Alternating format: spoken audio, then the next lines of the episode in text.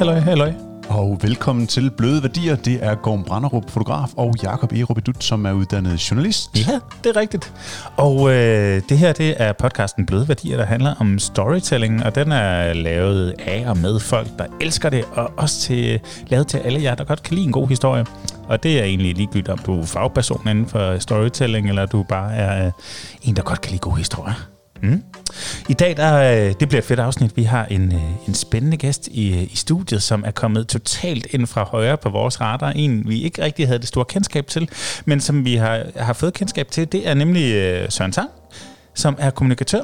Øh, Søren er faktisk øh, landet her i Bæksten på vej fra København til Aarhus, sådan helt bogstaveligt. Han skal faktisk til job, jobsamtale i Aarhus lige efter den her podcast optagelse. Så, øh, så vi har at gøre med en øh, kommunikationsmand, der simpelthen har øh, bedrevet sit virke i København, og nu er på vej øh, tilbage til, øh, til rødderne i det oceanske, eller det jyske i hvert fald, sammen med sin familie. Øh, og på vejen, der har vi så simpelthen lige fået lov til at fange ham og udfritte lidt, ham lidt om, hvordan han fortæller historier. Øhm, så jeg prøver lige at rise op, hvem øh, jeg kunne læse mig frem til, øh, at du er i hvert fald sådan professionel. Ikke? Du er 33 år, og, øh, og dem, øh, det vi stødt på dig, det var faktisk øh, som dårlig timing man, at øh, der kom et opslag ud på de sociale medier omkring, at øh, timingen for at skifte job og flytte på tværs af landet kunne nærmest ikke være dårligere i forbindelse med det her øh, corona øh, halløj, vi har gang i PT, og, øh, og det her med dårlig timing, man, det kommer vi helt sikkert meget mere ind på, men øh, det var ligesom det, der fangede os ind. Det fortalte lidt, at øh, vi har at gøre med en storyteller her. Det var jo et opslag, som blev, blev delt en hel masse. Øh, men du skriver selv på din LinkedIn, du har været storyteller siden 7. klasse, hvor du begyndte at skrive øh, øh, fristil af, af tvivlsomme karakter. Og, og siden er du så også blevet, øh, har du fået en bachelor i, øh, i journalistik, øh, special i, øh, i kommunikation og i skrift. Du har også arbejdet for Aarhus Charter, hvor du har været øh, afsted på Madeira og Mallorca. Du har været i praktik i øh, både Forsvaret, Kriminalforsorgen og på det her øh, dejlige drengrøvsmagasin, der hedder M, øh, hvor du blandt andet har været ude og slås med svær og sat ild til dig selv og så videre, alt muligt. Men du har også øh, lavet kommunikation og PR for øh, Perfecta, for EGAS, øh, Transformation Tool, og senest har du været ved Garant Udlejning, som er udlejning af de vildeste power tools, jeg nogensinde har stødt på. Altså maskiner, der kan øh, skære og rive ned og bygge op og øh, jamen, gøre gør en ende på dig i løbet af ingen tid. Øhm, og nu er du så arbejdsløs. Du er, du er simpelthen kastet dig direkte ud i at sige din stilling op og skal prøve noget nyt her i Aarhus. Øh, og, og det er jo sig selv en super fed udfordring lige med det her i coronatiden. øh, men, men det er så øh, blandt andet dårlig timing, man, der skal dig med det. Men øh, det var, hvad jeg lige kunne finde på dig, Søren. Kan du kende dig selv i det? Det kan jeg i hvert fald. Ja. Det lyder meget rigtigt. Hvad mangler jeg til for? Du er også far, og du er... Jeg er far, øh, jeg er forvirret, jeg ja. er illustrator, jeg er alt mulig mand inden for content. Øh, men jeg synes egentlig, du rammer det meget godt. Fedt. Nogenlunde lige røven. Fedt. Yes. Men der står jo storyteller ud over det her. Det, jeg synes også, det er lidt interessant, at der er så mange forskellige brancher repræsenteret. Ja. Jeg, jeg skal lige høre det der med at, at slås med svær og sætte ild til dig selv og sådan noget. Ja. Øh, hvorfor gør man det? Er det også storytelling? det er i den grad storytelling. Øhm, da jeg kom til M i sin tid som journalistpraktikant, der påtog jeg mig den her rolle at være praktikanten. Og hvis til alle dem, der har læst M, øh, så har de læst om praktikanten, der kaster sig ud af alt muligt. Og de fleste, de tror, det er en enkelt mand. Ja. Det viser sig jo så, at det er jo hver 6. måned, der skifter det. Så ja. det er en ny mand. Øh, men, men de spurgte mig så, om jeg var frisk på en lille udfordring.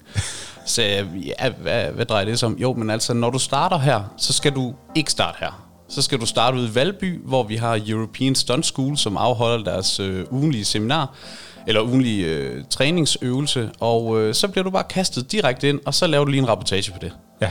Og så siger jeg, nå, jamen skal jeg ikke lige... Nej, du skal ikke noget som helst, du skal bare møde op derude, og så går du bare i gang, og så skriver du bare ting ned og bliver tæsket til, du synes, det er sjovt. Så det var det, jeg kastede mig ud i, og, øh, og det er jo, altså, det er jo en ting, som man ikke ser så meget i dansk journalistik i dag. Mm. Øh, Gonzos journalistik, ikke? Ja. Det er at kaste sig ud i det og, og tage det på egen krop, øh, bogstaveligt talt. Øhm, ja, Hunter Thompson, som jo var Dr. Gonzo, han sagde jo, at man kunne ikke skrive om det, uden at man havde oplevet det selv. Nej, og det må man i den grad sige, øh, at jeg oplevede. Jeg øh, fik både skåret fingre op, og jeg fik, jeg fik også sparket ind i hovedet øh, ved et uheld, og jeg fik kastet ud for 10 meter. Og det endte faktisk lidt før, det skulle have gjort, fordi at da vi kommer til dag 6, må det være, mm der skal vi øh, have sat ild til os selv, og vi skal gå rundt i sådan en... en man, man får at vide, okay, nu skal der sættes ild til dig. Øh, det er lige meget vigtigt at huske, at øh, du må ikke trække vejret. Simpelthen, nå, okay, jeg må ikke trække vejret. Nej, for så kommer der ild i lungerne på dig. Og så skal du tage det helt roligt. Okay. Jamen, det skal jeg så prøve. Ja, så når du går rundt i den her cirkel, så på et tidspunkt bliver det varmt, og så skal du lige gå ned på knæ, og så skal du ligge dig ned, helt ned på jorden, og så kommer vi og slukker dig. Og så skal du lige huske, der må du heller ikke trække vejret, for det er CO2. Øh, så hvis du trækker vejret der, så får du ikke bare ild i lungerne, så får du også CO2 ind, og så dør du. Perfekt. Så du skal bare forholde dig helt ro. Øhm, og jeg tænkte, okay, øh, tak for den pep talk. Øhm, og jeg begyndte så at gå rundt i den her cirkel, og der var ild i mig. Det gik ind i. Jeg vil faktisk sige, det gik meget godt. Mm. Øhm, lige indtil jeg mærker, at det begynder at blive varmt. Jeg går ned på knæ tænker, det her det bliver skide godt. Og så siger det bare bang ind i benet på mig. Og det, der sker, det er, at øh, ham der er den lidt fedladende studerende journalisttype, der ikke har lavet noget i 100 år og har været guide og har spist så stor, tyk og fed, han har fået en fibersprængning. det er virkelig et dumt tidspunkt at få en fibersprængning. Super dumt tidspunkt. Så jeg sidder der med ild i mig, ned på knæ, får en fibersprængning. Og lige det sekund, der evner jeg ikke at tænke, nu skal du lige kaste dig ned på jorden. Så det, der sker, det er, efter cirka et sekund, hvor jeg sidder på knæ, der tror de, der er et eller andet galt, men de skal jo have mig slukket, og jeg må ikke trække vejret, mm. øh, og jeg har lyst til at skrige. Mm. Så jeg bliver sparket i ryggen af en instruktør, der han sparker mig decideret ned, og, og i øvrigt tak, Jakob, hvis du hører det her, tak for det. Øh, det var den rigtige beslutning, du traf. Øhm, hvorefter han så selvfølgelig slukker mig, og så spørger de mig bagefter, hvad fanden gik der galt? Og jeg har aldrig fået en fiberspring før, fordi øh, jeg er måske ikke den mest fysisk aktive, men jeg var aldrig en del af førsteholdet i fodbold. Så jeg sidder bare der, jeg, jeg ved det ikke, det går bare helt vildt ondt. Perfekt.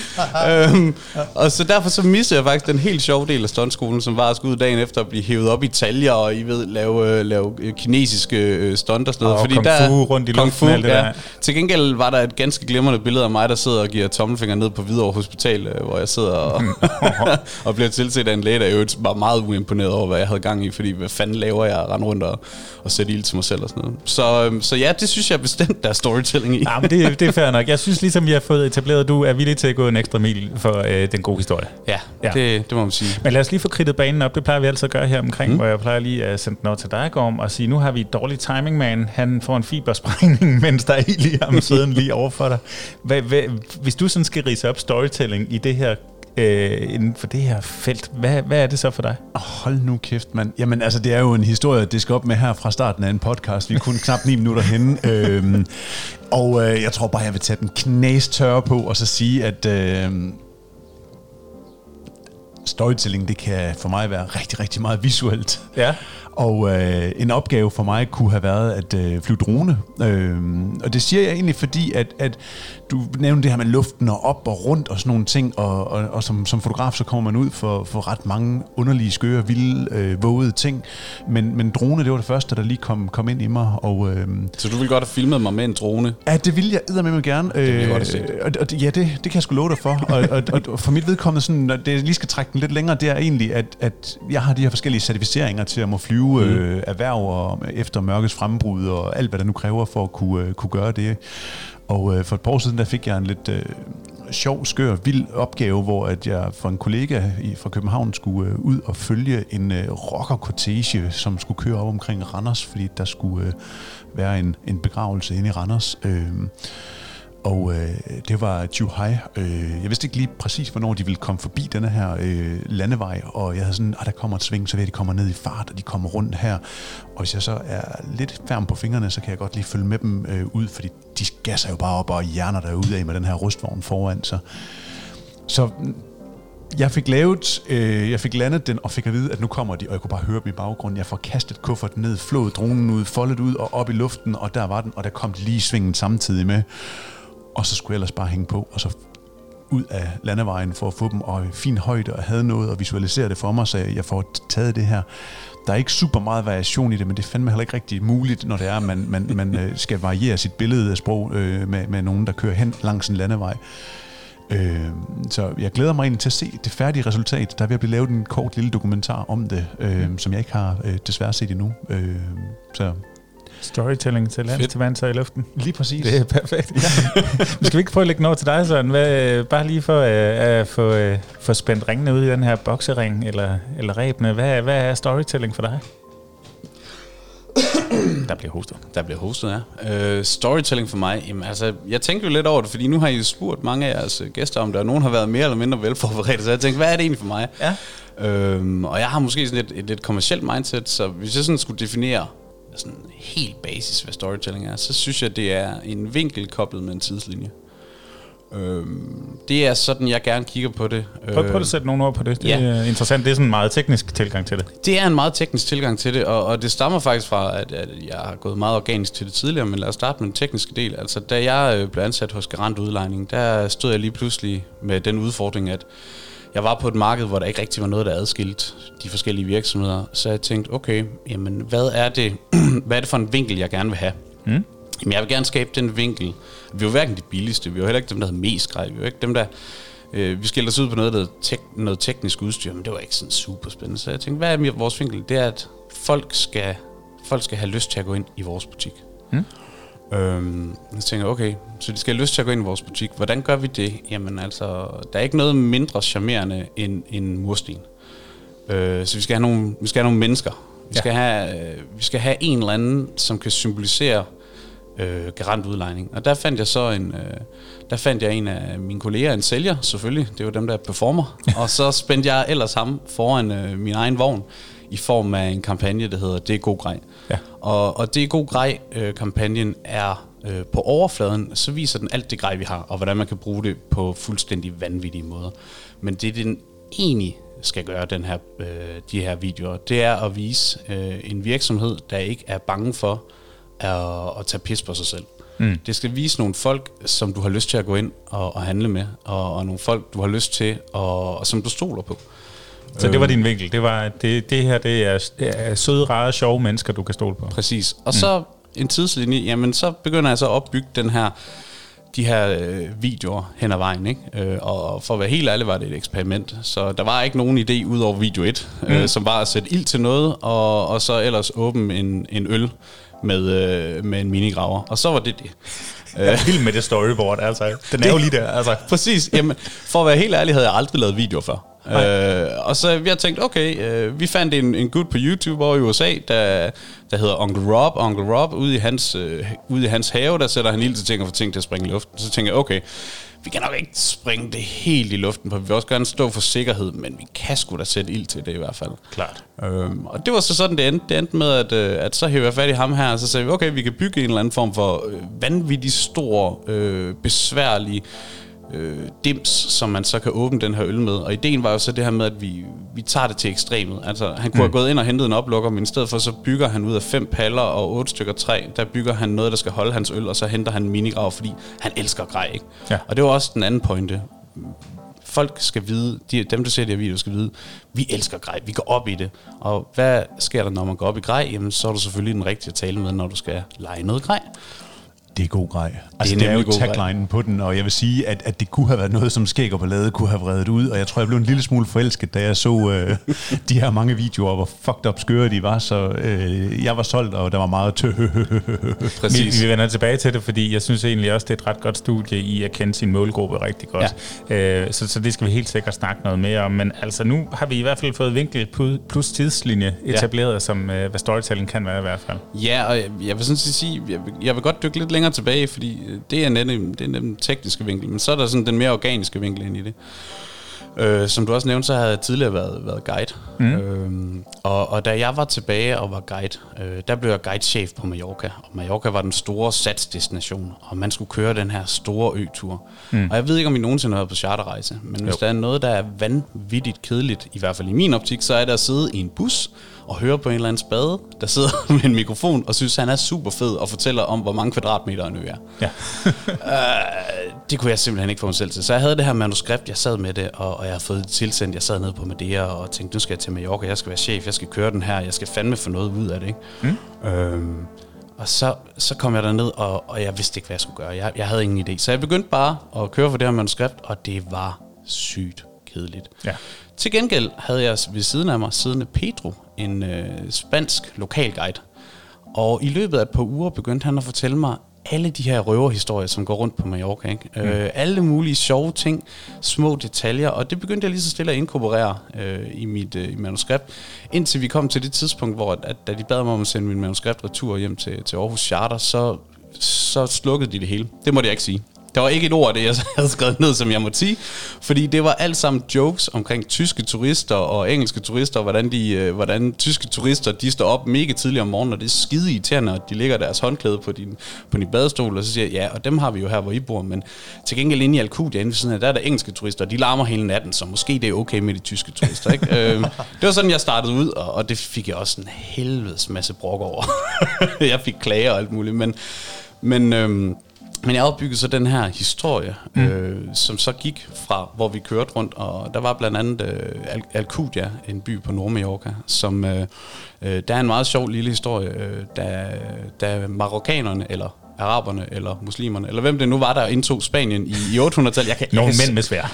Jeg kunne huske det i 2009, ikke? Ja, øh, da jeg kom nogle mænd med svær, de overtog så, øh, så Spanien, og, og der var en by, der hed Polenta øh, på Mallorca. Og, øh, og da Spanien så et par hundrede år senere kom tilbage, så, skulle, så, så var den så blevet omdøbt til Alcudia, men de skulle så omdøbe den tilbage, fordi nu tog vi jo Mallorca tilbage. Mm. Så de fandt øh, Polenta, og så kaldte de den Polenta. Der gik så omkring 50 år, indtil man fandt ud af, at det var den forkerte by, de havde navngivet Polenta. og Alcudia, som var Polenta, den hedder stadigvæk Alcudia, for det troede man var en helt ny by. Så Hvordan? det er Polenta version 2, der nu findes? Polenta version 2, ja, uh, Port de Polenta. Og, uh, og det er fordi, der ligger to uh, bugte, og man var simpelthen sejlet ind i den forkerte, fordi at, uh, så gode var kortene åbenbart ikke dengang. Nej. Miguel, du skylder kvejber. Præcis. Præcis. Perfekt. Jamen, det er meget sjovt. Nu, undskyld, jeg afbryder ja, dig ikke, men, men, men storytelling som guide. Øh, jeg kan huske, jeg var på en tur med min mor til Paris, da jeg var en lille dreng. Mm. Øh, og hun var allerede oppe i årene dengang, det må man godt sige. Øh, men, men der kører vi rundt i bus, og så på et tidspunkt, så siger guiden også, at vi kører igennem sådan et stykke skov. Han siger, jeg har faktisk fået øh, bussen til at køre herud forbi, fordi det er lidt sjovt, at øh, alle de prostituerede inden for Paris har fundet ud af, at øh, hvis de rykker herud, så kan de fange alle de der midtlivskriser, der kommer på deres racercykel i lykratøj hver lørdag, når de er væk fra fruen. Så de har, der var simpelthen sat, og det var helt rigtigt, der var simpelthen en campingvogn hen langs hele den der skov med, med prostituerede, som, som så skal, øh, de der cykelrytter ind. Ikke? Øhm, og, og, der bliver og, nødt til lige at bryde ind og sige, øh, den skov har jeg gået igennem som efterskoleelev midt om natten. True story. Vi skulle ud og se. Perfekt. Men i hvert fald hele det her segment af, af Spis Tjerborg øh, midtlivs øh, turister, ikke? Ja. de stod og kiggede ud af vinduet, og alle kan huske den historie og sådan ja. noget. Og det var bare sådan, ja, vi kunne godt have fået navnet og kvadratmeterantallet mm. på den her skov, men det der med, at du lige kobler en historie på, ligesom du fortæller, det gør bare, at man husker den her øh, 30 år efter, ikke? Præcis. Ja. Og, og jeg vil sige, altså, jeg, jeg fik en enkelt klage over, at øh, jeg rent faktisk øh, under min tur ytrede, at jeg ikke havde tænkt mig at lære antallet af kvadratmeter, som Mallorca øh, dækkede over. Jeg sagde, at det var på størrelse med Fyn. Og det blev nævnt i et kommentarkort fra nogen, der havde en guidebog med, der sagde, det står jo lige her. Ja. Øh, så, så altså, det har både plusser og minuser, men, men flest plusser vil jeg sige. Fordi ja, man kan huske det. Fordi at øh, selv hvis jeg havde nævnt det øh, kvadratkilometer antal, ikke, så ham der med den guidebog, han havde jo ikke husket det i dag, vel? Nej. Altså, Nej. Han havde ikke anet, hvad, hvad det var. Alright, det blev en længere tur omkring, hvad storytelling er og hvad ja. den kan, men, øh, men nu er vi ligesom i gang, ikke? Yes.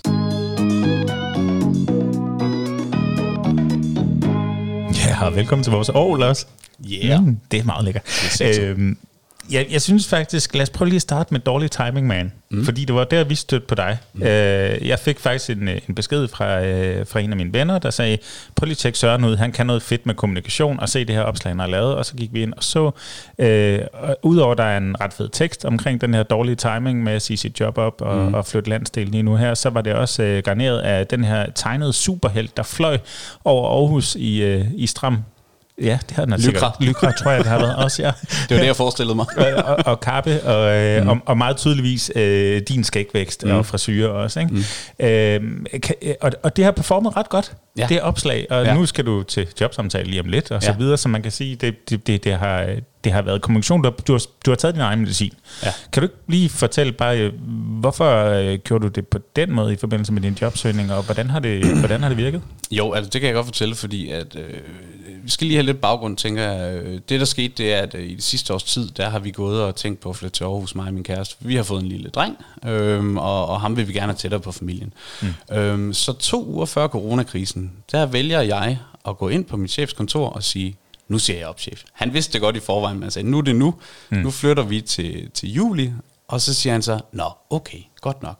Og så går der to uger, og så bryder coronakrisen ud, og så vælter det bare ind på LinkedIn og på Facebook og på alle steder med opslag om, at nu blev jeg offer for coronakrisen. Øh, er der nogen i mit netværk, der kender nogen, der kender nogen? Og nu er det min tur, og nu er det min tur. Jeg søger og nye udfordringer, Jeg søger, ja, nemlig. Ja, der er øh, nogen, der ved om den der hjælpepakke. Og, ja, men altså... Og, Ja. og så sidder jeg og kigger på det der, og, øhm, og det skal siges, på det tidspunkt, der havde jeg et par, par gode leads på nogle jobs. Men, men øh, som det er med sådan nogen, så falder de jo igennem en gang imellem. Mm. Øhm, og så stod jeg lige pludselig øh, en måned inde i hele coronakrisen, øh, med alle de her opslag i tankerne, og tænkte, hvad fanden gør jeg? Mm. Fordi hvis jeg laver et opslag, hvor der står, nu flytter vi til Aarhus, vi har endda selv valgt at sige op, fordi vi er idioter. Øh, Heldigvis har min kæreste et arbejde med, så okay. det hjælper der lidt. Men, men så tænker jeg, jeg bliver nødt til at gøre et eller andet. Hvad er det her? Det er vanvittig dårlig timing. Mm. Og så tænker jeg, okay, Det er din vinkel. Ja, det er min vinkel. Ja. Øh, og så tænker jeg, godt, så skal der en historie på, ikke? Mm. Så skal der en, en fortælling. Og fortællingen er selvfølgelig det her om, at vi gerne vil hjem til familien. Øhm, og, og være sammen med familien. Og, og det var der heller ikke så mange, der havde fortalt derude. De fleste, de snakker om, at de vil gerne have et nyt arbejde. Ja. Øhm, og det er jo fair nok. Man skal tjene nogle penge. Det håber jeg da også, jeg kommer til en gang igen. Øhm, men Det, det er sgu rart. det, det er meget rart, når, ja. ja. når der skal købes ind. Ja. Øhm, og så var det, jeg tænkte, okay, jamen jeg kan tegne. Øh, og så var det, jeg kom op med, og jeg har altid været fan af superhelte. Så mm. nu havde jeg endelig muligheden for at lave min egen superhelt. Øh, og det er sådan lidt værre af slagsen. Det er dårlig timing, mand. Ja. Og, og altså bare for at illustrere det, så, så sent som i forgårs fik jeg en byld på min næse, tre dage før jeg så skal til, til jobsamtale, som jeg så står og øh, graver ud med en negl, og altså nu har jeg så heldigvis et meget pænt sår på min næse, som I så kan se og se på. Men for bare to dage siden lignede det jo altså en, en skraldespand af, af betændelse og pus, og jeg ved ikke hvad. altså, ikke? hvis du bare Øhm, sørger for at sidde med Ja. ja. ham, du skal snakke med på denne her side, så kan man ikke se det, ja, skal jeg bare sige. Problemet er, at, øh, at ligesom jer, der er der, der er der flere af dem, så de kommer højst sandsynligt til at kunne se mig fra flere vinkler. Så, øh, så jeg Det har faktisk... unicorn. Ja, præcis. Jeg har faktisk tænkt mig, hvis jeg nu ikke lander det her job, øh, det kunne jo være derfor, øh, ej, det tvivler jeg dog på, men, men så har jeg jo så næste, næste følgetong i historien om, da jeg fik en byld på næsen. Hvad, hvad er dårlig timing med en kryptonit?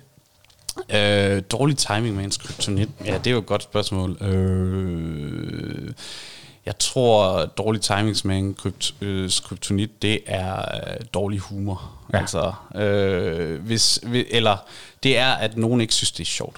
Ja. Altså, øh, det har jeg heldigvis ikke oplevet endnu, men, men det ved jeg, fordi jeg er en mand, der tit øh, tager en chance, ikke? Og, og øh, jeg var også lige ved at lave et corona-opslag, der var lidt sjovt for mit nuværende firma. Det, det fik jeg dog skudt ned af mig selv. Øh, Vi, vi har lavet den. Vi lavede vores egen håndsprit. i lavede altså en håndsprit. Yes. Yes. Se, det jo glimrende. Jeg, jeg lavede rent faktisk en... Øh, ja, nu sagde jeg, den ned. Det passer faktisk ikke, den er på Facebook. Men der er en video på øh, Garant Udlejnings hjemmeside, hvor, hvor øh, vores øh, direktør, han skyder zombier ned fra taget øh, af, af bygningen. Øhm, og hvor der så står, heldigvis gik det ikke så galt. Ikke? Vi skal bare være Jeg er en lille smule fan af din direktør. Ja. Må, jeg- må jeg indrømme. Ja, men han er også øh, han er rimelig sej. ja, men vi fik jo også, altså, øh, armen, at I, I har skrevet noget forkert, og i øvrigt så er vi ja. Ja. ikke sikre på, at det er den rigtige blanding, I må bruge, ja. og det kan selvantænde, og, og altså, ja. Ja, Ja. udover at vi havde stået i alkoholdampe en hel dag i optaget, og var fuldstændig skæv. ikke? Altså, jeg drikker jo ikke alkohol, men jeg kunne mærke efter sådan en hel dag, hvor vi bare havde... Al- altså, vi det gør det vel endnu værre. Ja, for helvede, men der var meget. Altså, ja. Men, men netop, det var det der med, med altså bruge humoren. Ja. Øh, Nu siger du selv, det var kryptonikken, hvis man ikke forstår sin humor, men, men humor i kommunikation er jo øh, ofte alfa og omega. Altså det er jo noget af Ja. det aller, allerbedste at bruge. Altså, det er i hvert fald øh, det er et, et virkemiddel, jeg bruger hele tiden. Mm. Øh, men det slår os igen, ikke? Altså, ja. øh, for eksempel så har jeg i min Det god grej øh, videoer lavet en video, hvor vi laver flæskesteg. Og, og for alle, der ser den video, kan de godt se, at den flæskesteg ikke bliver ordentligt behandlet. Altså, selvfølgelig bliver den ikke færdig af, at vi står med en ukrudtsbrænder og, og brænder den, ikke? Øh, det er Really? klart. Nemlig. og selvfølgelig får man ikke sprødsvær det. Men det præsenterer vi jo til sidste videoen. Så der har selvfølgelig været nogle kommentarer om, og den, den bedste var faktisk, at der var en, der sagde, den flæskesteg kunne I have sendt ned til Afrika. Åh oh, ja. ja. Ja, selvfølgelig. Det skulle da have været til gode- Afrika. Den gode gamle ting til Afrika. Præcis. Som vi alle sammen er vokset op med. Ja. Ja. Så jeg skulle- skulle... nok være kommet frem efter et par år, tænker jeg. Jamen jeg tænker også, skulle jeg være løbet ned i, i Føtex, og så have pakket, øh, frosset den ned, proppet den i en pakke, sætte den afsted, taget et billede af det og sagt, vi har valgt at slette vores marketingbudget i år, vi har valgt at købe flæskesteg i stedet for. Altså, det ville da nok være tre mennesker, der havde liket, men, øh, men jeg synes nu, den anden version var en lille smule sjovere, ikke? Øh, så derfor så skal man også være villig til, når man, når man bruger humor, og når man, når man tør tage, ja, jeg ved ikke engang, hvad jeg kalde det en chance, det synes jeg måske knap nok, det var, mm. men så skal man også være villig til at stå op og så sige, ved du hvad, det, det, det, det var ikke det, vi havde i tankerne. Nej. Øh, Det var slet ikke der, vi startede, det var ikke der, vi kom til, og det kan godt være, du har den holdning, men det har vi ikke. Men jeg, jeg kan godt genkende lidt, også når man sidder og rydder op øh, i kommentarfeltet efter mm. sådan et opslag, ikke? Altså, hvor der er noget af det, man, man sukker dybt og tænker, det her, det har jeg virkelig ikke lyst til at svare på. Nej. Men, men man må jo bare tage den ovenfra og ned, tænker jeg. Og, Altså, jeg vil godt øh, indrømme øh, på åben, ja ikke åben skærm, men i åben, åben mic, at jeg har slettet en del kommentarer. Ja. Øh, ikke, hvis det må det, man jo hvis det er ikke. Nej, altså, det, må man er jo mod god kommunikation. Ja, og så er det, man finder ud af, at der er ikke nogen, der husker i social medieverden. Så hvis du sletter en kommentar, så opdager han det ikke engang selv. Fair point. Ja, øh, selvfølgelig hvis du er kraftens bekæmpelse, der har lavet et eller andet, og du så får på puklen, jamen så skal du nok øh, stå mere på mål for det. Men når jeg har lavet en sjov video for en, en virksomhed, som øh, retter sig mod en niche i markedet, og jeg sletter en kommentar fra en, der aldrig nogensinde opdager det, jamen så vil jeg, så vil jeg godt indrømme, så går jeg lidt black hat, og så får de altså bare en med, så får de en med, med hatten, ja. Bum. Men det handler vel også rigtig meget om at kende sin målgruppe. Altså sådan, hvem man kommunikerer med Ja. ja. humor til. Ja. Altså, Ja, og det kan jeg jo også se. Altså, øh, når jeg kommunikerer med garantudlejning, så kommunikerer jeg til håndværkere. Mm. Jeg kommunikerer delvis til deres chefer, men især til håndværkere, for det er dem, der går ind ad døren, det er dem, der vælger at lege ind hos mig.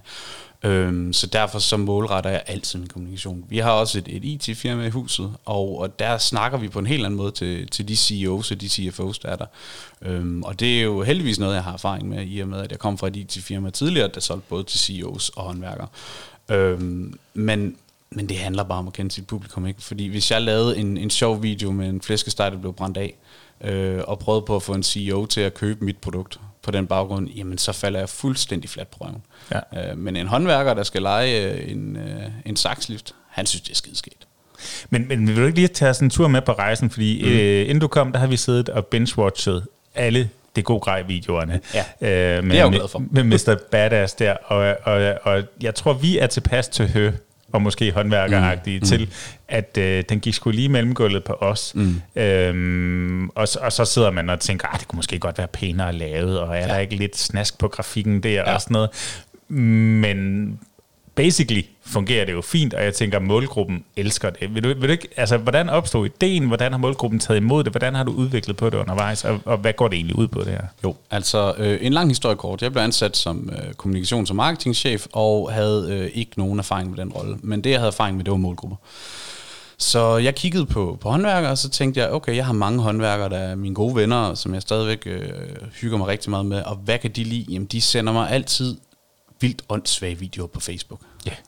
Så jeg tænkte, okay, jamen, øh, hvor er de så henne? Jamen, de er på Facebook, de ser vildt åndssvage videoer. Hvad kan jeg? Jeg kan lave vildt åndssvage ting. Jeg kunne godt nok ikke lave videoer.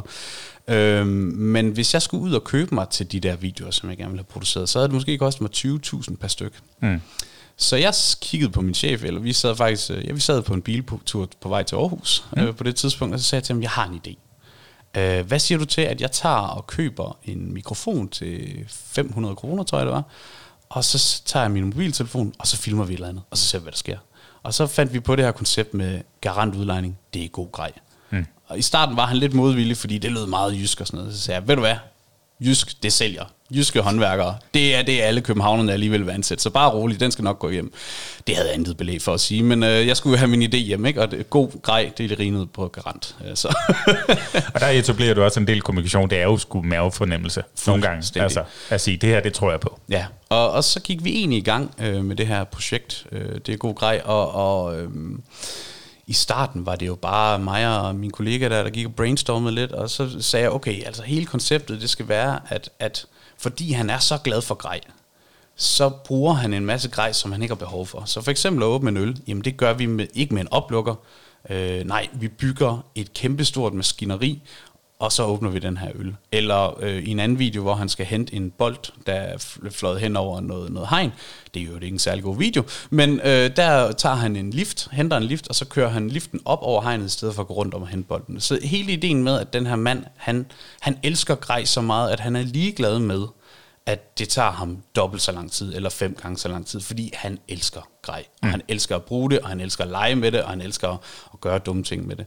Han elsker, elsker at punktopstille ting. Han Alt- elsker foregår- punktopstille ting, ja. ja. Det er jo taget direkte ud fra, øh, fra, hvad virker på nettet, ikke? Det virker at have punkter. Fem gode grunde til, at øh, din juice, den er blevet rødden, eller et eller andet. Ja, ja, ja, ja Øh, det skal altid fastmonteres. Blandt andet den her bold, den bliver også fastmonteret med en sømpistol. Præcis. Så, så der skal helst være en sømpistol, og der skal helst være ild. øh, fordi sømpistol, det lyder som pistol, og ild, det er ild. Ikke? Øh, og faktisk, så har jeg fået, øh, det er noget af det, jeg er blevet kommenteret allermest på, det er, når vi har lavet nogle videoer uden ild. Øh, og i sommeren 2018, der var der altså afbrændingsforbud. Så det skabte nogle, øh, det, det skabte kurer på tråden, det vil jeg godt indrømme. Der var nogle fans, og det var deciderede fans, der kontaktede os og sagde, hvor er ilden? Vi har sendt al vores ild til Afrika. Præcis. vi sendte flæskesteg afsted, men det var helt, det var helt ulækkert, da den kom ned, så vi sendte noget ild afsted også. Øh, nej, øh, men, øh, men ideen var også, at øh, jeg har altid gerne vil lave video. Mm. Øh, så jeg tog det på mig selv og lære mig selv at, at gøre det her. Øh, fordi at jeg vidste, at øh, sådan et lille firma har ikke råd til at få lavet sådan noget. Mm. De havde i forvejen fået lavet tre videoer til 80.000, så tænkte jeg, okay, hvad kan jeg gøre med 80.000 kroner? Jamen altså, indtil videre har jeg lavet øh, sammenlagt 40 videoer, alt i alt øh, de 10, altså gode grej videoer, men og det har jeg gjort for et budget på under 10.000, ikke? Øh, der er selvfølgelig nogle omkostninger til, til nogle øh, Og så er der et ansatte. kæmpe lager af virkelig fede ting. Der er, øh, jeg kan klart anbefale til alle, der vil gå i gang med at lave dumme videoer til internettet, tag i biltema. Det er det bedste brainstorming sted i verden. De har kejler, de har bolde, de har, de har en hjelm, som man kan bruge og smække sit logo på, hvis man nu får en sjov idé til det. Ja. Øh, det er et fantastisk sted. Så det brugte mig og mine kolleger meget på tid på at gå i biltema og, og idéudvikle derudfra. Og der er mange idéer, som desværre ikke er blevet til noget, men hvor jeg har, jeg har sløringsnet liggende og verdens andre ting. Og, Men så stikker det jo lidt af hen ad vejen, ikke? Altså, så begynder ja. der jo lige pludselig at være øh, en hej nede i badekarret, der svømmer. Ja. forbi. Der begynder at være animerede laserstråler. Ja. Der begynder, altså... Øhm, der, der, der er nogen, der ikke har præsenteret dig for det, man kalder en stopklods, tror jeg. Ja, øh, og det er jo fordi, når man er, er en enmands marketing her i et lille firma, så er der ikke nogen, der siger nej. Nej. Øh, faktisk så hver eneste gang, jeg lavede et eller andet, så sagde min chef, Vildor. det var hans eneste kommentar. Ja, kan vi ikke, og, og, kunne du så have gjort det der, og kunne man ikke lægge det der ovenpå? Og jo, for helvede. Og hver eneste gang, så tænker jeg, nu træder jeg over grænsen. Ikke? Nu er jeg gået for langt. Mm. Øh, hver eneste gang, jeg trykkede post, så havde jeg det sådan lidt, går den her hjem? Er den for fjollet? Er den for dum?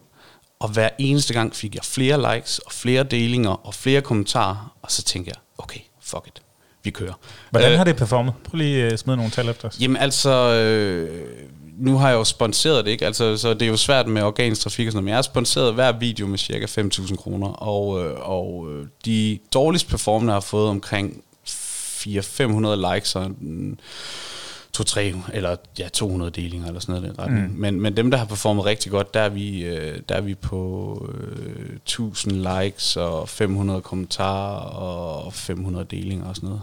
Mm. Øhm, Og noget så- reach, der er... Nogle af dem var på den gode side af 100.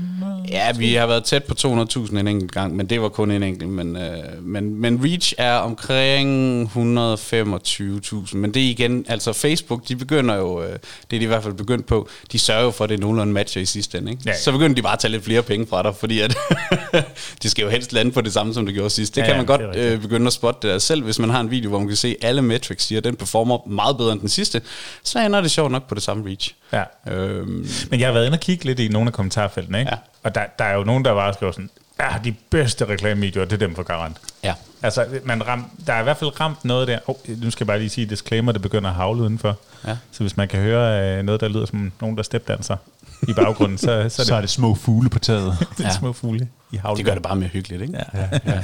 Men det er jo fedt at få nogle af de her værktøjer her, tænker jeg. Altså, synes jeg også. Skæg og ballade vil det helt klart tænke i biltema næste gang, vi skal brainstorme på et eller andet. Altså, Altså, øh, tro mig, I, I synes, det lyder dumt, men når man står dernede, så tænker man, hvad med den der? Øh, Hvad kan den og hotdogs til en 10, ikke? De er røvdårlige, men de koster kun en 10.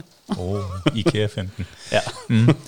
Men, du, men, du er ved at spørge ind til kommentarer, eller sige Ja. noget omkring kommentarer. Ja, ja, men det, det er bare det, det er sjovt, at det er jo dedikerede folk, kan man sige. Altså, det er nogen, der føler sig set, hørt og forstået, virker Ja. ja. det til. Ikke? Der er nogen her, der, der kan vores humor, taler vores sprog, og, og igen, så er vi hen igen. Hvad, hvad skulle vinklen være på det, som du sagde? Ikke? Mm. Det skulle være, det skulle være sjove, søde, gode mennesker, der er... Faktisk vil jeg sige, der var, jeg lavede en sjov opdagelse, og jeg, jeg har ikke øh, 100% data til at bakke det op, for det var kun på et par videoer, og man kan jo altid sige, hvordan performer den enkelte video. Øh, du skulle nok have 100 af dem, for virkelig at kunne, kunne udlede noget af det, men jeg opdagede, at jo bedre jeg blev, altså jeg var jo fuldstændig lallende amatør, der gik i gang, og det kan man også se, altså. Mm. Men, men det lignede noget, som de selv kunne have lavet. Ja. Det var, øh, de tagger hinanden, og så skriver de, åh Heine, det er ligesom os om fredagen, ikke? Et eller andet i den retning. Øh, men jo bedre jeg blev, og jo bedre en klipper jeg blev, og jeg er på ingen måde reklamefotograf eller noget som helst, øh, jo, jo værre performede de faktisk. Jo, jo færre af de der kommentarer var der. Øh, og det var dem, jeg levede på. Det var dem, der skrev. Max, tjek lige det her ud, ikke? Øh, Peter, det er ligesom også om fredag, eller det kunne have været os, eller øh, hele den her, det her flow. Øh, og den sidste film, jeg lavede, nu, nu er han desværre ikke firma længere, og det er jeg jo så snart heller ikke, så kan vi jo bare lave noget selv. Men, ja. øh, men, men den sidste video, vi lavede sammen, øh, der kunne jeg se, der begyndte den at underperforme.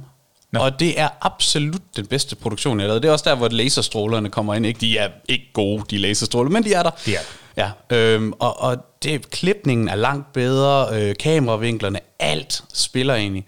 Øh, og det virkede bare ikke. Og så var det, jeg begyndte at sidde og tænke over det. Er jeg, er jeg rent faktisk blevet for, for god? Altså, er jeg blevet for professionel? Ja. Jeg, jeg kan ikke sige, at det er sådan, men så begyndte jeg at gå tilbage og kigge på det.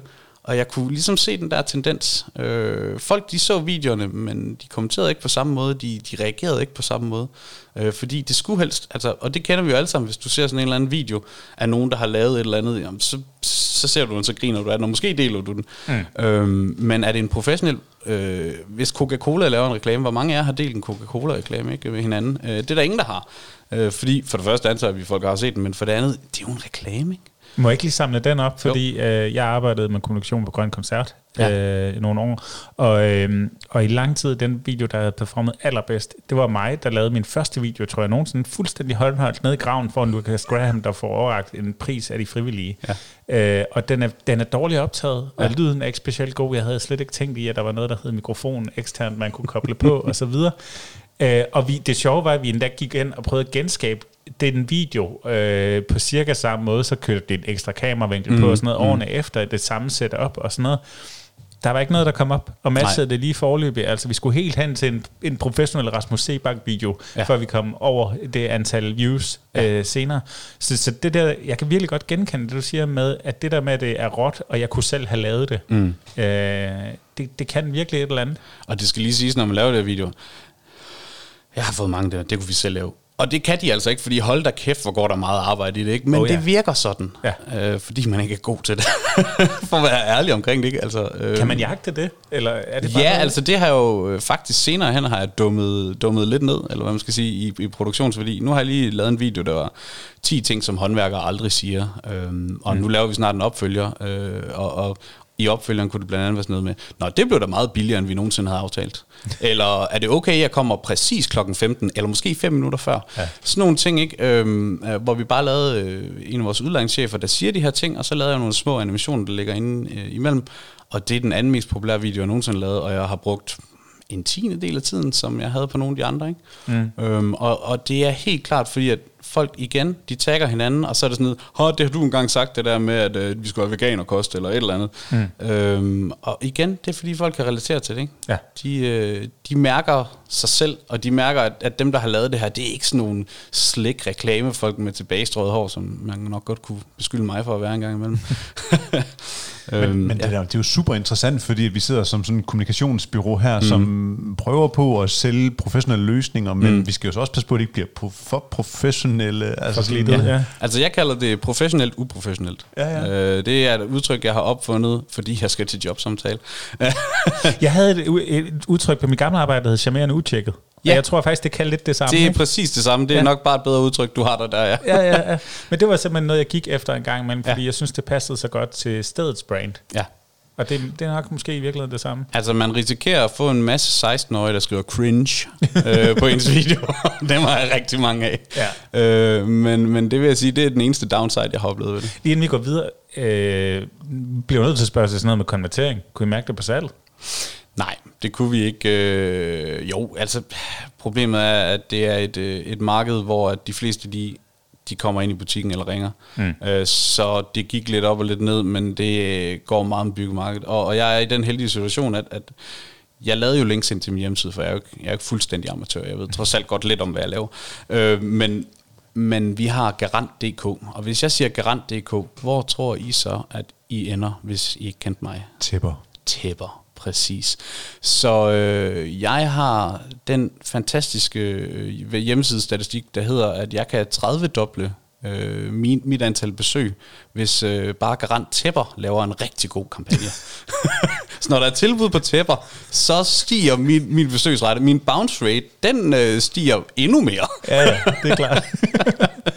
øhm, og derfor så, øh, så vil jeg sige, altså det, det virker i, øh, i branding øh, med, fordi at altså jeg har ikke den kollega, der ikke har fortalt mig om, at, at deres venner og bekendte er kommet ind til dem og har snakket om, om gode grej-videoerne. Og vi har folk, der kommer ind i butikken, og vores hovedperson, han bliver stadigvæk godkendt, eller genkendt i dag, selvom det er to år siden, vi har lavet den sidste video. Men, men det er jo også noget, der er vigtigt at få med i alt det her. Så det er jo sådan, mm. det er jo ikke bare Øh, jeg kunne få min onkel til at filme det, fordi han har et godt kamera. Mm. Altså, der ligger jo hele historiearbejdet og storyline, ja. og at, at, altså, arbejdet med det, og få den gode idé og målgruppe, ja. og identificere brandet, og mm. få det formidlet. Så jeg synes egentlig, der er rigtig mange fine værktøjer her, som, som jeg lige nu øh, lapper i mig ja. og, og sparer lidt med her for ja. mikrofonen. Altså jeg, jeg vil også sige, at en, en god point er, at, at de var aldrig lavet til at sælge de videoer. Det Nej. var videoerne, der kom bagefter til gengæld. Så vi har lavet en masse instruktionsvideoer omkring værktøj. Mm. Øhm, og, og hvis, hvis I kender en håndværker, så ved jeg også godt, når håndværker kunne aldrig nogensinde finde på at indrømme, at de har lavet en fejl. Mm. Øhm, og det vidste jeg også. Øh, så der, og vi har rigtig mange håndværkere, der ringer ind til os og siger, den der lift, de har lavet mig, den virker ikke. Altså, har du trykket på den grønne knap? Ja, selvfølgelig har jeg trykket på den grønne knap. Og så tager vi derud og bruger to timer på at komme ud, og han betaler en helvedes masse penge for, at vi går ud og trykker på den grønne knap og siger, nu virker din lift. Så hvordan kommer vi ud over det, ikke? Ja. Så vi begyndte at lave instruktionsvideoer, og det var også en glimrende måde at præsentere vores grej. Og det jeg kunne se øh, på performance på sociale medier, det var, at min god grej-kampagne fik delinger, den fik likes, den fik kommentarer. Den fik ikke så mange klik til hjemmesiden, fordi folk delte den, og så var de videre. Til gengæld, så mine instruktionsvideoer, som jeg jo så retargetede med bagefter, de fik kliks. Mm. Og de gik selvfølgelig direkte ind til produktsiden, og så skete der jo gerne det, at efter jeg lavede sådan en, jamen, så begyndte telefonen at ringe på det enkelte produkt. Ah. Yes. Så jeg har, jeg, jeg, når jeg laver videoer, eller når jeg laver sociale medier, så har jeg en teori om, at du laver en type content, der trækker folk ind, så får du dem til at like din side, så får du dem til at, at have opmærksomhed, det hjælper algoritmen, og så bagefter, så skubber du dine salgsbudskaber ud. Ja. Øhm, og på den måde, så er det også ærligt. Altså, når vi laver god grej, hvis jeg havde sat en pris på alle de stykker værktøj, han havde brugt, det havde jeg faktisk en gammel chef, der sagde, det burde du gøre. Så havde folk set det som reklame. Men nu så de det som en sjov video. Til gengæld, når du så laver salg ærligt, så, så tager de den også for, hvad det er. Sådan, hvis du nu skulle gå tilbage og lave god grej-kampagnen en gang til, mm. er der så noget, du vil lave om? Uh, jeg vil lave flere videoer hurtigere. Ja? Ja. Jeg vil lave uh, flere dumme idéer, og jeg vil spytte dem ud. Uh, det blev lidt et udstyrstykke til sidst. Altså, det kunne tage 3-4 dage at filme videoerne. Gå, gå lige ind og se dem, hvis I ikke har set dem nu. Vi skal nok smide noget link med i vores, øh, vores øh, bio her, men, men, men det er virkelig udstyrstykker, det, der bliver kørt det ind fra højre og venstre. Altså. Ja, og den første video, der havde vi, øh, der havde vi nogle stykker træ og en, og en minigraver, der åbnede, ja, nu siger jeg det, nu har jeg sagt det på gang, det er en øl. Det endte jo selvfølgelig med at være en sodavand, fordi vi selvfølgelig ikke har en øl, som man drikker, fordi det vidste vi godt, hvordan det ville ende. Men men det optog vi på fire timer, mm. tror jeg. Og, øh, og jeg klippede det dagen efter. Mm. Ud, færdig, bum. Øh, kontra dem, der jeg tog en uge om at lave, ikke? Og øh, altså performance var bedre, men, men altså, vi snakker 10%, 20%. Øh, noget i den retning. Og så havde, jeg, så havde jeg fundet noget større grej. For hver eneste gang, jeg havde stort grej, så virkede det.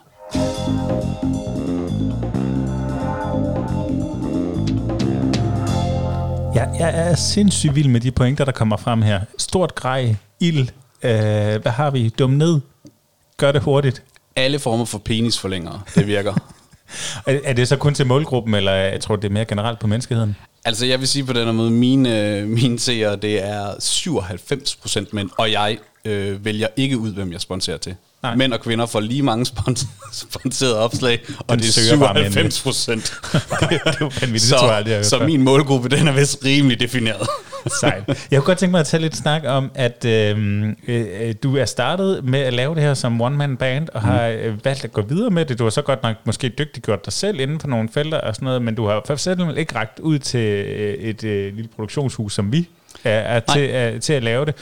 Og, og du siger, det er først bare penge, men jeg tænker, der er garanteret også andre tanker Ja, altså for at være helt ærlig, ja, jeg er nær i Vestjyde. Jeg kommer fra Varde. Ja. Øh, at jeg skal bruge 1000 kroner i timen på nogen, det får mig jo til at flyne fuldstændig.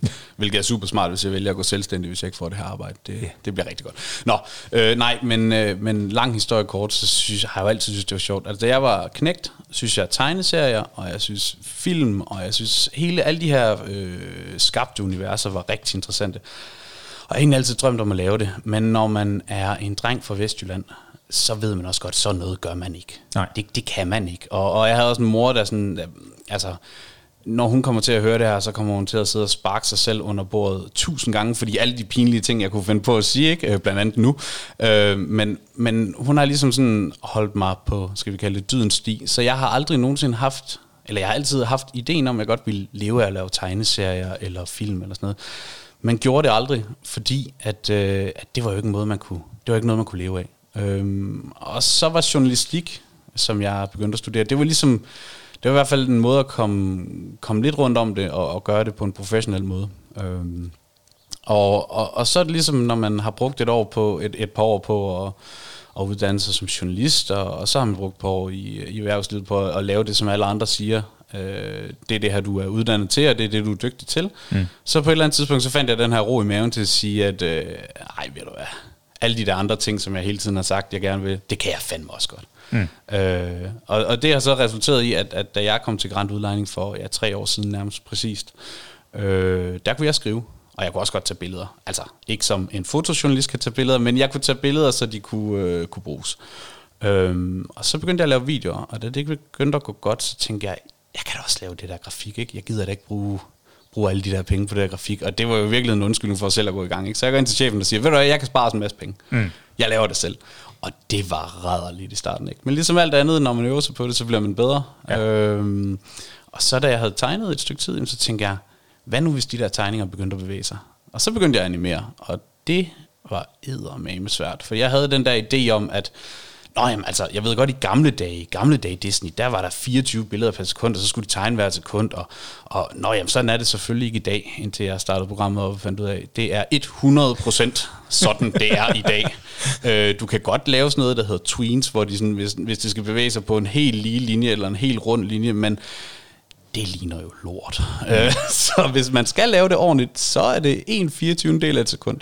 Og så er det ellers bare gang op alt efter, hvor lang videoen den skal være. Ja, så når folk derude sidder og siger, hvordan kan det være, at det koster 40.000 kroner at, at lave en animationsvideo? Jo, det skal jeg fortælle dig, det er fordi, det er ikke, det er ikke 40.000 kroner for et minut. Nej. Det er, du skal helt ned i en 24. del af et sekund, før det giver mening. Ikke? Ja. Øhm, men, men det er noget, som... Altså, jeg har altid gerne vil gøre det. Og, og så finder man selvfølgelig en undskyldning for at gøre det. Ikke? Men også når du sidder i et lille firma, hvor du er ene mand, øh, og jeg kunne se, at de penge, jeg havde, det budget, jeg havde, øh, der kunne jeg ikke få noget øh, aftryk i medierne. Altså hvis jeg for eksempel skulle køre annoncer, hvis jeg går ud og køber annoncer for 50.000 kroner, mm. jamen så har jeg noget i et medie i en måned eller to, og ja. så glemmer alle det. Men hvis jeg nu tog hele mit budget, minus øh, softwareabonnementer, og så brugte jeg det på at promovere det, og så skabte jeg alt mit content selv. Så fik jeg et langt større reach. Og så kunne det godt være, at det var lidt dårligere lavet end det andet. Og det kunne også godt være, at det tog mig lidt længere tid at lave det, og at jeg nu skulle bruge nogle aftener, øh, hvor kæresten sad på sofaen og spurgte, hvor fanden bliver du af? Øhm, men, men det var bare det, jeg havde lyst til at gøre, ikke? Og, ja. og så, så lige pludselig, så i forhold til min forgænger, og hun var sikkert skide dygtig, jeg aldrig mødt hende, men så kunne jeg jo fordoble mit marketingbudget ud af rettet. Ja. Øhm, så det synes jeg gav mening, og især når jeg så samtidig synes, det var sjovt. Ikke? Så den ville være gået i en hvilken som helst virksomhed, nej, eller nej. var det fordi, det var garant? Det er på ingen måde gået i en hver virksomhed, det er helt sikkert. Nej, nej, nej. Øh, og det sjove er, jeg ser jo rigtig mange virksomheder, hvor der sidder en eller anden form for koordinator i en, i en rolle, og så går de ud, og så hører de sådan nogen som jer, dygtige mennesker, der ved, hvad de laver, og så kommer de med de samme idéer, som jeg vil gøre. Ja. Men fordi det kommer udefra, så har det et legitimitetsstempel, øh, fordi det er en god idé. Mm. Men hvis du laver det internt i virksomheden, så handler det om, at du skal have buy-in fra toppen. Øhm, og nu var jeg så heldig, at, at min nuværende CEO, han hentede mig selv øh, med over fra hans gamle firma. Så han vidste lige præcis, hvad det var for en type, han fik ind. Og jo, jo mere vi har arbejdet sammen, jo, jo mere var han også sikker på bare, at han kunne lade tøjlerne slippe. Ikke? Øhm, Men jeg tænker netop, at dit vigtigste arbejdsredskab, det er en chef, der stoler på dig. Mm-hmm. Altså, Ja, jeg har faktisk, øh, nu har jeg jo været til et par jobsamtaler, og der er rigtig mange øh, mennesker, jeg kan, jeg kan mærke, mange øh, ledere, som når de skal ansætte en enkelt mand, så spørger de meget ind til, øh, jamen, hvordan har du det med din leder? Hvad forhold skal du have? Kan du selv gå i gang og sådan noget? Og, og der er det jo meget rart at kan sige, at hvis du bare går din vej, så bliver det langt bedre. spørgsmålet er, kan du selv sige stop? Ja, kan, ja præcis. Men jeg siger altid, kan, kan du flytte dig?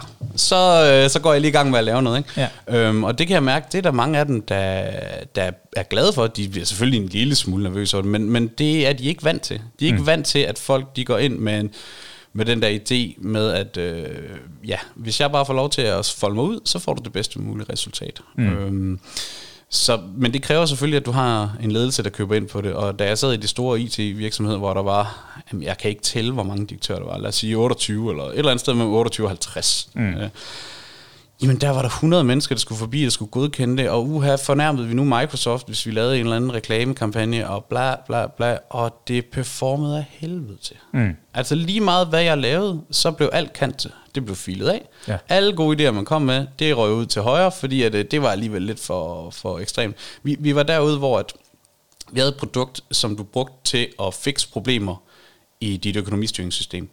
Og Microsoft gik så ud og sagde, I kan ikke promovere et produkt, der fikser problemer i vores produkt, for vores produkt har ingen problemer. Ja, klart. ja. Og så sidder vi og siger, men hvordan skal vi så sælge det produkt, som fikser de problemer, der er i jeres IT? Ja, det kunne de jo ikke svare på. Det var ikke deres problem. Og det var mig, der skulle markedsføre det produkt. Øh, faktisk var det lige præcis det produkt, der landede mig min nuværende job. Mm. Fordi det lykkedes mig at gøre det, men, men vi var på det punkt, hvor der var et møde mellem øh, en svensk, en norsk og en dansk topdirektør. Det lyder som en vidighed, der starter. Ja, den fuldstændig. Ikke? Mm. Øh, hvor jeg sad med en marketingdirektør uden nosser. Uh, jeg håber, jeg kan høre det her, men uh, vi er ikke gode venner alligevel, så det går nok. Uh, men hvor der sad en norsk direktør og sagde, Microsoft i Norge, de siger nej. Og jeg sad med en kampagne, der var købt ind til 800.000 kroner ude i Kastrup Lufthavn, og den var gået. Altså deadline var skrevet, og vi havde sagt til CEO'en, hvis den skal stoppes, så var det i går. Ja. Så han vidste, den kørte, og slutningen på den der samtale, det blev så, at CEO'en siger, ja, vi trækker den der annonce. Nej. Jo. Øhm, og jeg sad med i et værelse med en marketingdirektør, og jeg havde instrueret ham om en eneste ting. Øh, og det var, at hvis de sagde det, så skulle han sige, det kan jeg godt forstå. Det kommer ikke til at ske, for den er kørt. Mm. Og han lukkede sammen som musling. Og der sad jeg, øh, to års erfaring øh, Ja, ja, ja. under bæltet. Ikke? Og jeg vil sige, den dag i dag er jeg lidt ked af, at jeg ikke sagde, ja, men det kan I ikke. Øh, det skulle jeg have gjort, men altså, jeg er også blevet fyret på stedet, men, men lidt integritet har man jo. Men, men der, der slugte jeg den ikke, fordi altså, jeg sad med folk, der tjente millioner Ja. øh, hver eneste år, og, og, og jeg sad med, hvad fik jeg på det tidspunkt? 32.000 i måneden, ikke? Mm. som, Men- men- som junior. Det er jo helt rigtigt. Jeg kan virkelig genkende det der, ikke? Altså, at en del af at lave kommunikation og markedsføring, det er jo at ture. Mm. Og det, det, det er virkelig også at, lære at stå ved. Ja. Når man, øh, nu nævnte jeg selv mavefornemmelsen før, men også når du har strategisk belæg og Ja. teoretisk belæg for de ting, du gør, Ja. at, at, at, at stå på sin faglighed og sige, øhm, det kan godt være, at det her virker fuldstændig vanvittigt. Det kan godt være, at vi får øh, fjender, men det er jo også fjender, der gør, at man har fans til den anden side. Ikke? Præcis. men, men vi bliver nødt til at vise lidt tænder, hvis vi skal få folks opmærksomhed. Ja. Ja. Det kan ikke lade sig gøre ellers. Og, og den synes jeg bare, jeg har mødt rigtig mange gange. og Det, det lyder lige præcis som det, du har siddet med der. Ikke? Fuldstændig. Og jeg er helt sikker på, at jeg havde fået et stort bureau til at lave den her kampagne, så var der aldrig blevet tænkt over. Nej. Hvis jeg, var kommet, hvis jeg havde brugt øh, 200.000 kroner på at få et af de helt store københavnske bureauer til at lave det der, så var der ikke blevet rykket på et øjenbryn. Men det var jo bare Søren, der fik to. Det var jo bare, ja præcis, det var ham der kommunikationsmanden, som vi ikke helt stoler på, som i øvrigt øh, hjælper den med at fikse deres iPhones og sådan noget, fordi at det kunne de ikke selv finde ud af, altså. Oh, Men jeg vil egentlig gerne lige tage den lidt op sådan over til det visuelle, fordi at jeg jo tit og ofte, øh, da jeg var i praktik ved Jyllandsposten for nogle år siden, mm. altså stod i den situation, hvor jeg over for en eller anden super fin direktør, der lige kunne afse halvanden to minutter til, at jeg skulle komme og fortælle, hvordan jeg gerne ville have det i billedet, fordi at det skulle illustrere den her vinkel, der skulle i avisen. Mm.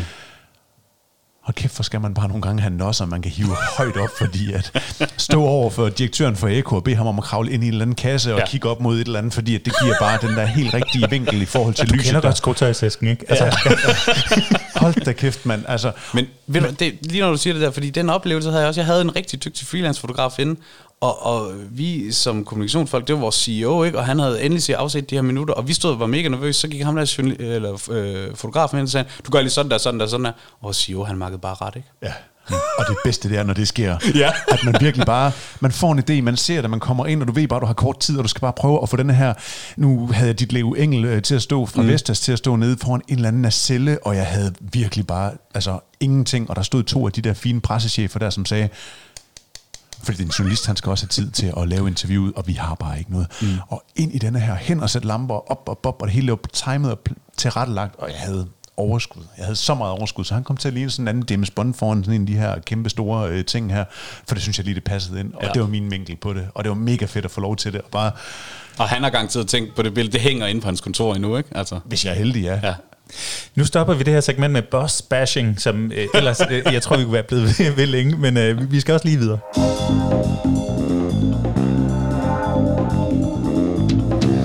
Fordi at øh, efterhånden, som vi har siddet og snakket her, så går det lidt op for mig, at vi har faktisk lidt øh, tilsvarende karriereforløb, samme uddannelse og, og har siddet lidt i de samme positioner. Og, og så kunne jeg bare godt tænke mig at spørge, jeg oplever personligt sådan lidt selv journalistuddannelsen.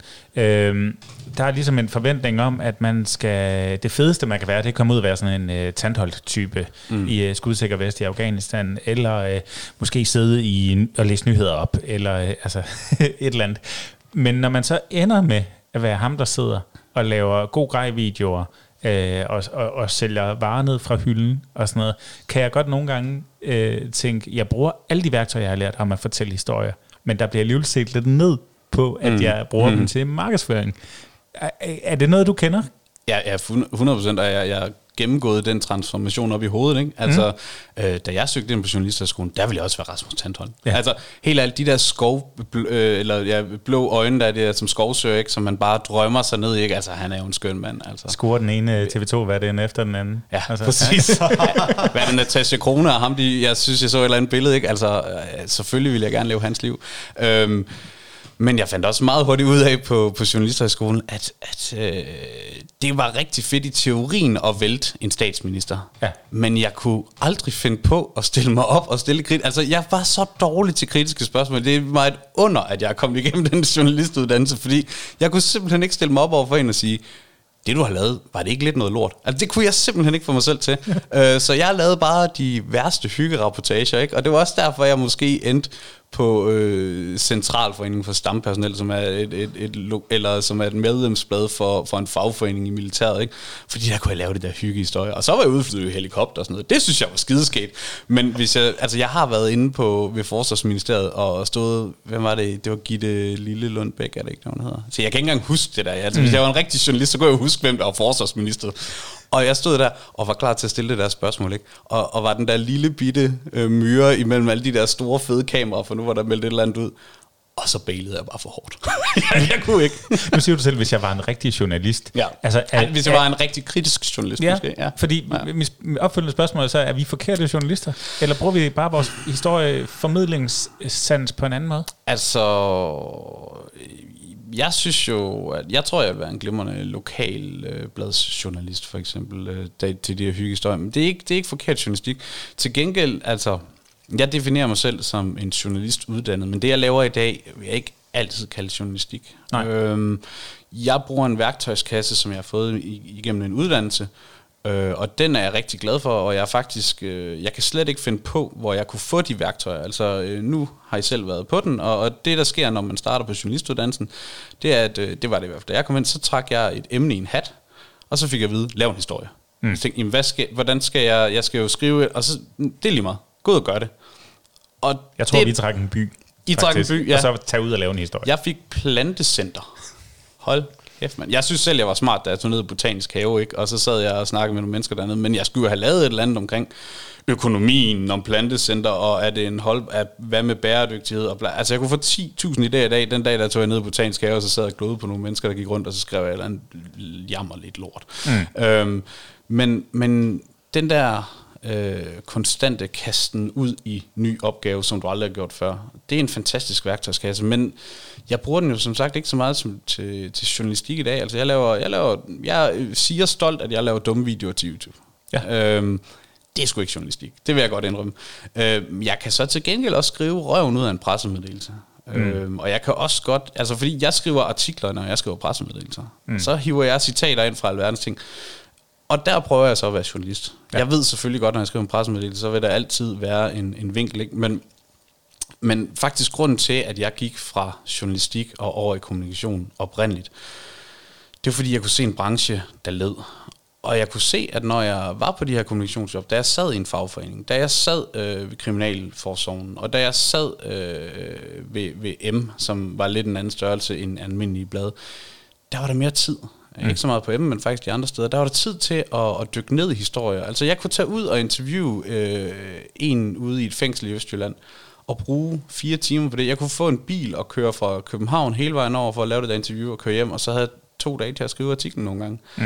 Uh, hvis jeg var journalist, så skulle jeg have skrevet 10 artikler, uh, eller i hvert fald to til avisen, ikke? Og, og fire til, til web i mellemtiden. Um, så jeg gik ind i kommunikation, fordi at det var faktisk der, jeg kunne få lov til at være journalist. altså, Men jeg kan virkelig følge dig i det, ikke? hvor jeg tænker sådan, en, man, en rigtig journalist, er det dem, der sidder over på Ekstrabladet, der udkommer hele ja. tiden og skal ja. lave røde og gule og blå bjælker, hvor der står, øh, hvilken fladskærm, der er billigst, og at der nu ja. er, er døde øh, 28 ekstra i Sverige med corona. Præcis. Et tal, du bare kan trække ned, ja. altså, og som du ikke nødvendigvis skal fortælle en historie ud fra. Og hvad er det, er det over på Fyn, de nu har fået computer til at skrive nogle af de der... Altså, det, det, det er så simple historier, at ja. du kan få en AI. Er, er, er det rigtig journalistik? Jeg ja. forstår det ikke helt rigtigt. Altså, nu sidder vi med den samme uddannelse, og øh, vi går ind og hjælper vores øh, kunder med at identificere de ting, som de har behov for at formidle ja. til øh, deres kunder. Mm. Og det må, da være, det må da være rigtig journalistik at gå ind og finde den der historie, den nerve, og formidle den til deres øh, målgruppe på den rigtige måde. Altså det håndværk, ja. som vi, vi kan, om det så er visuelt, eller auditivt, eller skriftligt. Altså den objektive journalistik, den er jo død, ikke? Altså, den, den var der lige i tre år i 90'erne, eller sådan noget, i den retning, hvor, hvor alt gik godt. Øh, men i dag, altså, Berlingske er blå, øh, JP er blå, politikken den er rød, øh, altså alt det der, ikke? Ideen om den objektive journalistik er død, og derfor så, hvorfor, hvorfor skulle du så udføre subjektiv journalistik på et medie frem for ude i en virksomhed? Altså det, det, hen ad vejen bliver det jo det samme. Mm. Jeg ved da godt, jeg ikke går kritisk til min CEO, men det gør jeg faktisk nogle gange alligevel. Ja. Fordi ved at eksponere nogle af de svagheder, eller nogle af de fejl, vi har begået, så højner jeg vores, øh, hvad er det danske ord, credibility, vores øh, troværdighed, ja. troværdighed, ja. Øhm, og så derfor så føler jeg nogle gange, at, at den vej rundt, i, i hvert fald til tider er den næsten mere sand, end det, der står i, i, i medierne. Ikke? Fordi der får de bare et eller andet hurtigt citat smidt i hovedet, og så skriver det et eller andet ud fra en vinkel, de har formet i forvejen. Øhm, men, men lige for at, at vende tilbage til, altså, hvordan tog jeg så rejsen over til, til markedsføring? Ikke? Jamen, mm. altså, det var så netop, fordi så fandt man ud af, hvad man synes var sjovt. Ikke? Men, øhm, men igen, jeg synes, det der med at fortælle historierne, altså om du gør det i markedsføring, eller kommunikation, eller journalistik, jamen, altså, man skal finde der, hvor man hvor man synes, det er sjovt at gøre det. Øh, fordi jeg synes, det er rigtig sjovt at lave dumme videoer på YouTube, men jeg fortæller også i det historier stadigvæk.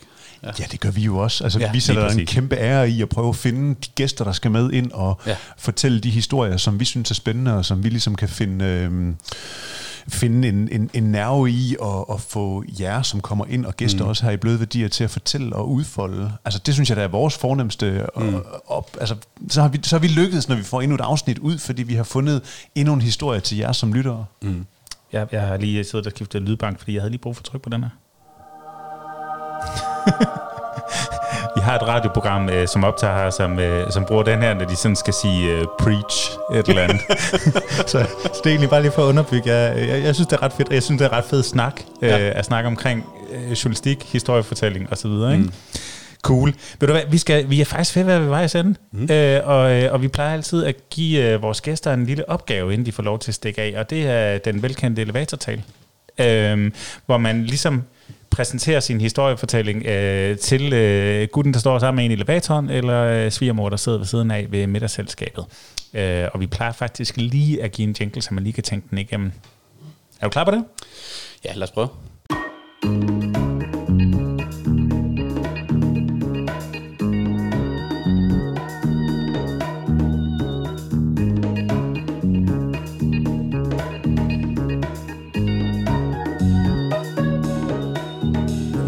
Bette Søren, var det dejligt, du kommer hjem til Aarhus igen.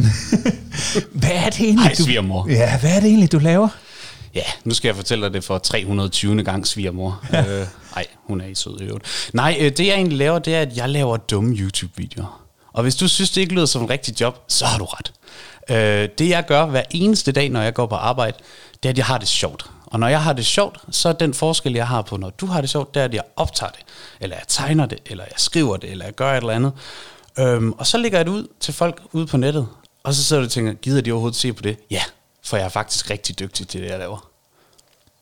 Kapow! Boom! det var sgu fedt. Fedt, ja. Ja, det er, det, det er sgu meget fedt med en, der er så, så klar i spyttet. Man skulle tro, du arbejder med kommunikation. Ja, det er lige før. Sådan en øh, lille hænger her til sidst også. Øh, bløde værdier, vores podcast, mm. øh, navnet herpå. Øh, er der sådan nogle bløde værdier, du vægter særlig højt? Ja, se, det fik jeg jo lov til at tænke over, efter at have hørt en del af jeres podcast. Øh, og, og så tænker man, hvad vægter jeg blevet værdier? Jeg vægter lidt forskelligt, om det er privat eller, eller professionelt. Nu har vi snakket meget professionelt, så lad os holde det øh, dertil. Øh, jeg vægter meget øh, det, det, som jeg også indledte med at sige, at øh, du, skal, du skal fremstille dit produkt, og i det her tilfælde den virksomhed, jeg arbejder for, skal du fremstille som nogen, du gerne vil snakke med, som nogen, du gerne vil være sammen med. Mm. Øhm, og, og, og det er ikke noget, du som sådan kan måle på nogen steder, ikke? men jeg vil godt gøre tingene rart. Øh, det er noget, jeg er kendt for på de arbejdspladser, jeg er på. Det er, at jeg er en af dem, der skaber god stemning. Jeg er en af dem, der sørger for, at alle kommer med ned og får kage. Øh, og det kan man også se på mig. Øhm, men, men den følelse, som jeg synes, man skal have internt, det synes jeg også, man skal vise ud eksternt. Øh, og, og det er selvfølgelig nemmere at gøre et sted, hvor, et, øh, hvor man har det rart. Øh, så det det, jeg lægger vægt på, når jeg laver øh, ting professionelt, det er, at, at alt, hvad jeg laver, det skulle gerne lede tilbage til, at, at folk de godt kan lide os. Øh, og det er måske også, fordi man selv har det sådan, at man godt vil have folk, de skal kunne lide en, ikke? Lad det være ordene.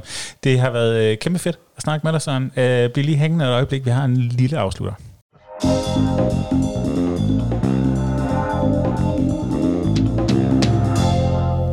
Og det er egentlig, vi bare lige plejer at spørge vores gæst, hvordan har det egentlig været at sidde her i øh, Bløde Værdier-studiet og blive udfrittet af sådan to skækkede herrer om sin, øh, sin tilgang til storytelling?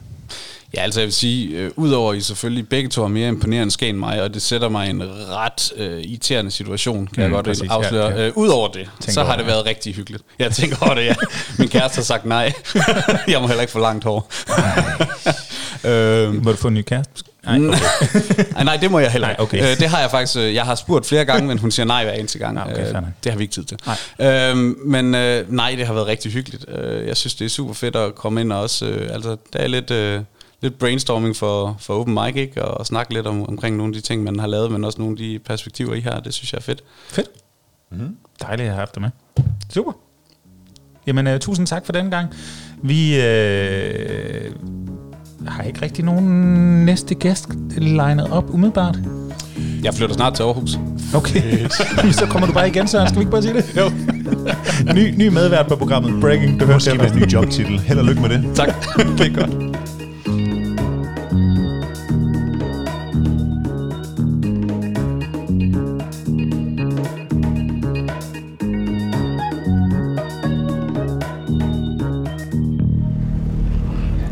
Det var simpelthen sådan en tank, vi har sendt ud af døren der. Det var det, og vi er... Ja, vi kan lige så godt sige det, vi sidder et helt andet sted. Ja, det er lidt sjovt at springe i tiden på den måde. Altså, vi er øh, ombord på en færge i okay. Molslinjen. På vej ud af Aarhusbugten nu. Smuk, smuk solskinsdag. Stille vand. Onsdag morgen. Ja. Klokken er ikke meget mere end halv ti en formiddag her i 2020, juni måned. Ja, vi har strukket den så langt, at det er ikke business-afgang, det er mere den familiære, vi er landet på. Øh, det, det, det, det er sgu meget hyggeligt. Det er it's a first for os at sidde og optage podcast på en færge. Men øh, ja, det er lidt sjovt med Søren, ikke? Øh, super spændende fyr. Gang i virkelig mange projekter. Jeg er vild med al hans øh, YouTube do-it-yourself øh, tilgang til det. Og, øh, og for det ikke skal være løgn, så strøg han jo ud af vores studie og direkte til en jobsamtale, øh, så vidt jeg ved, den første, han skulle til i Aarhus. Ja, han lavede jo hele det der koncept der, som vi lige har hørt på, og så... Øh, Dårlig timing, man. Ja, Og nu har han simpelthen landet et job her fra 1. august. Yes, så øh, der kom selvfølgelig et opslag fra hr. Søren Tang om, at øh, hvem var det, der slog dårlig timing man ihjel. Og det var så øh, Langhoff ABS, mener de hedder. Langhøj. Langhøj, Som det er rigtigt. laver øh, transportmidler, biler til øh, Til mennesker handicap. med handicap, ja. Ja, lige præcis. Og der skal han simpelthen sidde og arbejde med deres kommunikation og markedsføring, og det glæder jeg mig som en lille vild til at følge med i, hvad der kommer til at ske der. Men øh, jeg tænker, det var den gode energi fra Bløde Værdier, han tog med sig. Ja, for pokker. Ja. Nå, men øh, vi skal også snakke lidt om, øh, hvad vi to er gang i. Jamen, øh, Jakob øh, skal jeg ligge for landet. Ja, gør da lige det.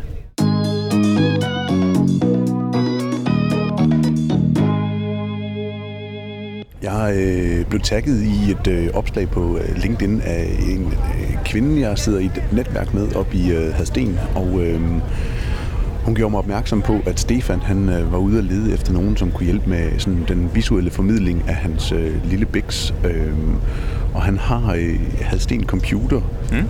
som ligger på øh, gågaden, eller ja, den centrale plads i Hadsten. Og øh, vi fik skabt en dialog sammen, og jeg fik sat lidt ord på, hvad jeg kan øh, med det visuelle, og hvordan jeg kan formidle hans butik, som er øh, skærmskift af iPhones, øh, reparationer af computer og salg af printer, pr- printerblæk. Mm. Og så selvfølgelig også reparationer af computer, hvor han tager ud til... Øh, til kunderne sådan i øjenhøjde og møder dem og, og servicerer dem i, i butikken og hjemme ved dem. Øhm, han er en øh, bevidst herre om, hvordan han godt vil øh, vækste sin virksomhed og har øh, to ansatte, og øh, han vil gerne have oppet sin, sin hjemmeside og har været ude og indhente forskellige øh, tilbud og øh, haft dialog med forskellige, men, men havnede så med at øh, vælge skæg og ballade. Mm. Og efter et kaffemøde, jamen, så fik jeg en øh, kasse med dimser, øh, skærme, der var smadret, øh, små printdimser til iPad og øh, Det var vitterlig en kasse dims, du fik med hjem. Ja, det var det, det var det. Og så skulle jeg prøve at tage, tage billeder af det.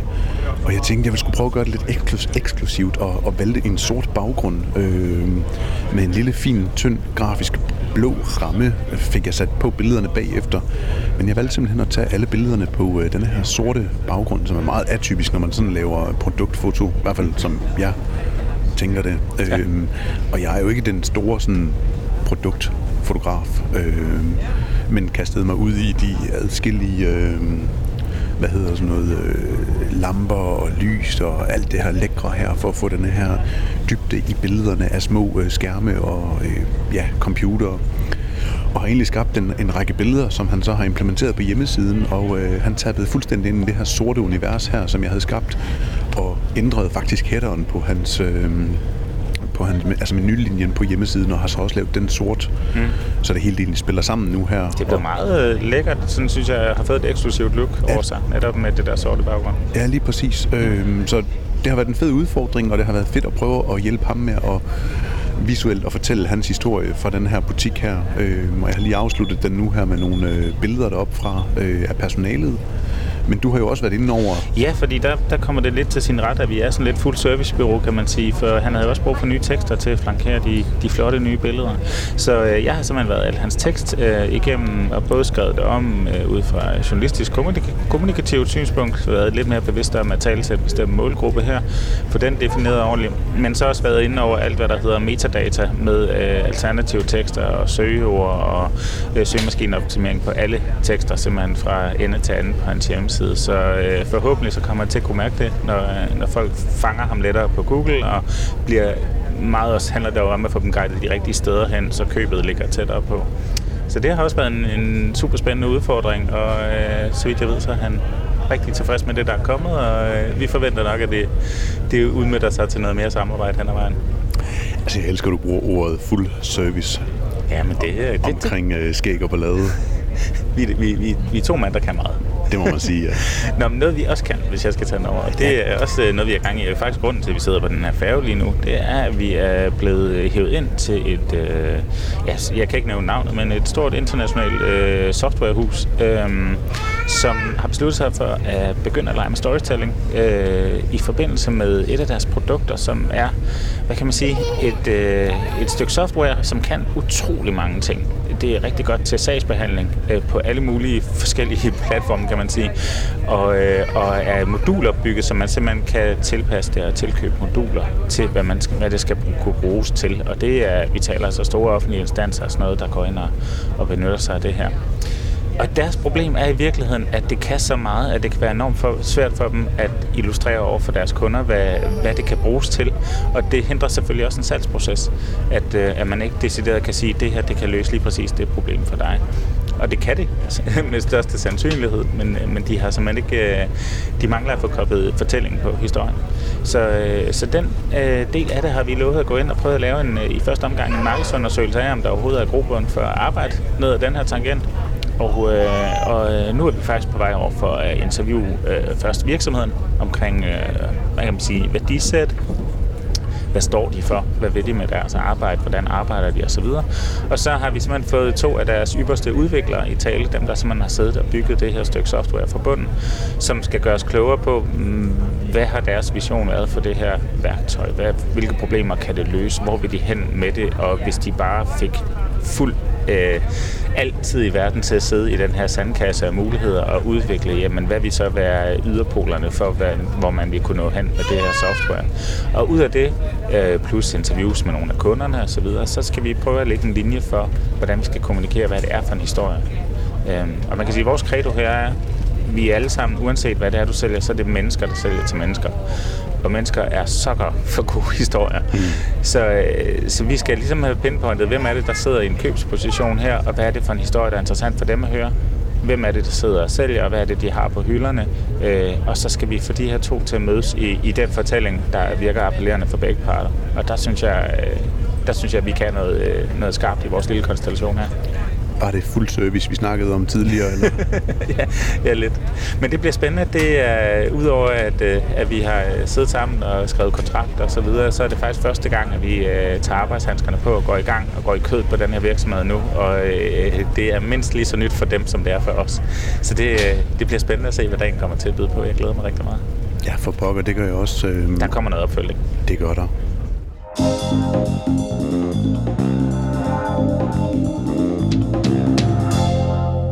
Yes, men øh, skal vi ikke slutte med en, en bedre anbefaling?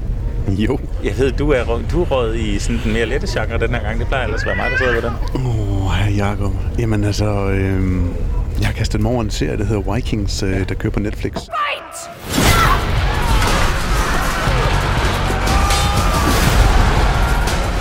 Our country's in grave danger. Don't ever betray me. I'll be dear to my doggies. I want to search for Floki. You can search all you want. You won't find him. Light the fire!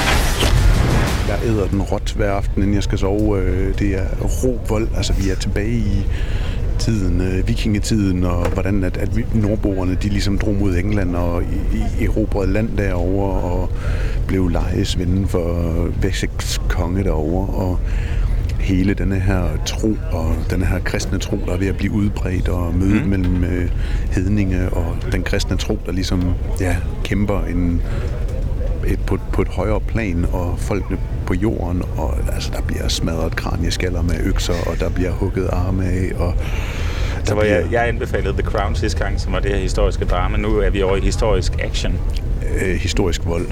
Perfekt. altså, det er øh, bloddrøbende, og øh, altså, Katarina, hun, øh, hun, hun, hun skal helst være gået i seng, ellers så sover hun ikke godt. Altså, øh, Perfekt. Det er, øh, det, det er spændende, og det mm. er en... Øh, Veludført. Ja, det må man sige. Det er en, en, en bonde, som bliver jarl, som bliver konge, og, og, og jeg er kun... Øh, jeg ved ikke, hvor mange sæsoner der er, men jeg er kun i de første til tre stykker, så jeg tror ikke, jeg har spoilet noget som helst ved at sige det her, fordi det tager mange uventede drejninger, og der er folk, der dør og lever, og tror, man er døde, og som ikke dør. Og, altså, det er spundet ind på en så genial måde. Ja, og hvor finder man den? Jamen, jeg fandt den på Netflix, Netflix men lige for sådan at, at tage noget af det, som, som der i hvert fald tænder mig, sådan, det er den her historiske øh, tilbageblik og, og, og forsøg på at holde sig sådan nogenlunde tro imod det her med at navigere og tøjet og våben og hytter og bål og Altså, der er meget sådan noget øh, historisk tilbageblik, som jeg godt kan lide ved det, og, og, og kan godt lide den fortælling, så kan det godt være, at der er nogle ting, hvor man tænker sådan, hmm, hører det til vikingetiden, eller er det lidt mere moderne, eller hmm. burde de være kommet forbi det? Men jeg synes, der er en god historie i det, så øh, klar anbefaling fra mig. Fedt. Vikings på Netflix. Ja, tak. Jeps, jamen jeg har også en lille anbefaling med, og det er en, du ikke rigtig kan tage hjem fra stuen. Det kræver faktisk, at du øh, hopper på et eller andet form for køretøj. Øh, eller også en lang tur for de flade konvolutter, men øh, jeg har været en tur i Thy, helt op i øh, Nordvestjylland.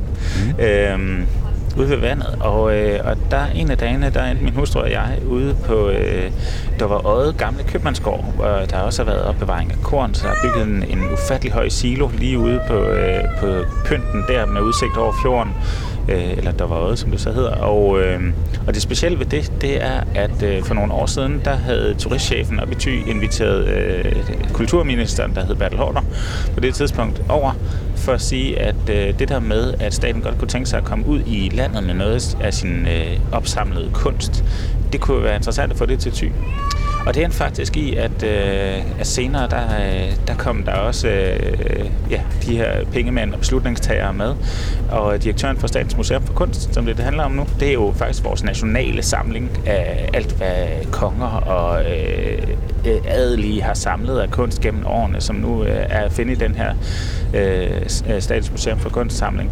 og har indtil videre jo øh, været forbeholdt københavnerne øh, i nogle flotte, flotte bygninger og en flot park derovre, men, men der har simpelthen øh, i alt det her udflytningscirkus, som man jo kender fra arbejdspladser og sådan noget, der har også været en bevidsthed om, at man også skulle få kunsten ud at leve i Danmark. Og der har de så valgt den her gamle købmandsgård ty til at udstille øh, Statens Museum for Kunsts værker og holde separate udstillinger. Jeg hedder Mikkel Borg. Jeg er direktør for Statens Museum for Kunst. Vi synes, tiden er kommet til også at flytte en del af SMK ud øh, i landet, langt væk fra København. Det har vi faktisk drømt om i mange år, men vi har ikke øh, fundet stedet, der passede til os. Vi har ikke lyst til at flytte til en anden by. Vi har ikke lyst til at åbne en filial der, hvor der allerede ligger øh, tæt med museer, der gør det godt i forvejen. Så først da vi øh, blev opmærksomme på, at der var en mulighed i Thy, blev vi rigtig inspireret og tændte. Øh, og det er en længere proces, fordi man kan godt forestille sig sådan noget flere hundrede år gammel øh, olie på lærred. Det hænger man ikke lige op i en gammel køb, købmandsgård. Øh, det skal bygges om selvfølgelig, så det kan, øh, det kan holde de standarder, det skal for sådan noget.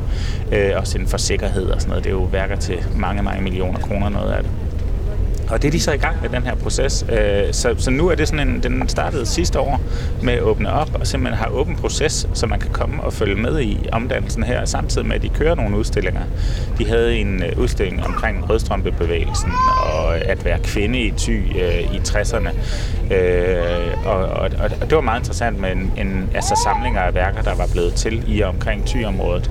Og så øh, over i den gamle silobygning, som er et højt tårn, du kan komme op og stå på toppen af og kigge ud over fjorden, der havde de en, øh, noget omkring tylejren, øh, nærliggende selvfølgelig, som egentlig var øh, en, øh, to arkitekter, der var taget ud på Thylejren, dengang de startede den i sin tid, og eksperimenterede med at bygge arkitektur i alle mulige interessante nye materialer, for eksempel foldet karton havde de bygget hus af.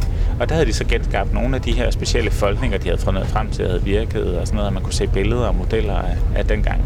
Så det var ret fedt. Så samtidig med, at de er ved at indsamle, jeg tror, de havde, der blev nævnt 33 millioner for at få ombygget det her gamle siloværk til et museum, jamen så er der faktisk også en, øh, et par udstillinger, der kører, som man kan komme og se, og, og ikke mindst nyde den her gamle købmandsgård, som også, øh, jamen du ved, der er også en shelter nede bagved, og man kan lege kajak, og der er et vikingelav, der ligger ude i, øh, ude i søen med deres skib og sådan noget. Så det er sådan en god samling af alt muligt kunst, og rigtig mange gode fortællinger, synes jeg, både i arkitekturen, og også i det, der bliver udstillet, og i fortællingen om, at kunsten ikke kun hører til i København, men øh, skal ud og leve i hele Danmark.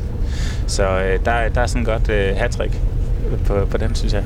Det må man sige, og jeg synes, det er vigtigt det her med, at altså, når jeg som fotojournalist tager øh, under uddannelse, så kigger vi meget ud i verden, og uh, vi skal ud og fortælle de gode historier ud fra den store hvide verden, og prøv at høre, de ligger lige for næsen af der hjemme i Danmark hele vejen rundt. Altså, mm. der er blevet lavet fantastiske historier. Så tag til Ty og bliv klogere på øh, Ty-lejren, og øh, ja. Ja, helt sikkert. Ty, kæmpe anbefaling herfra simpelthen øh, fantastiske, øh, fantastiske mennesker, fantastiske natur, og ja, det hele det spiller der. Yes, jamen, øh, Vi Det var simpelthen bløde værdier for den her gang. Ja, Bløde Værdier er et fuld service øh, bureau, som er skæg og ballade, som er på, øh, på tur til øh, København og øh, er ombord på den her færge. Ja.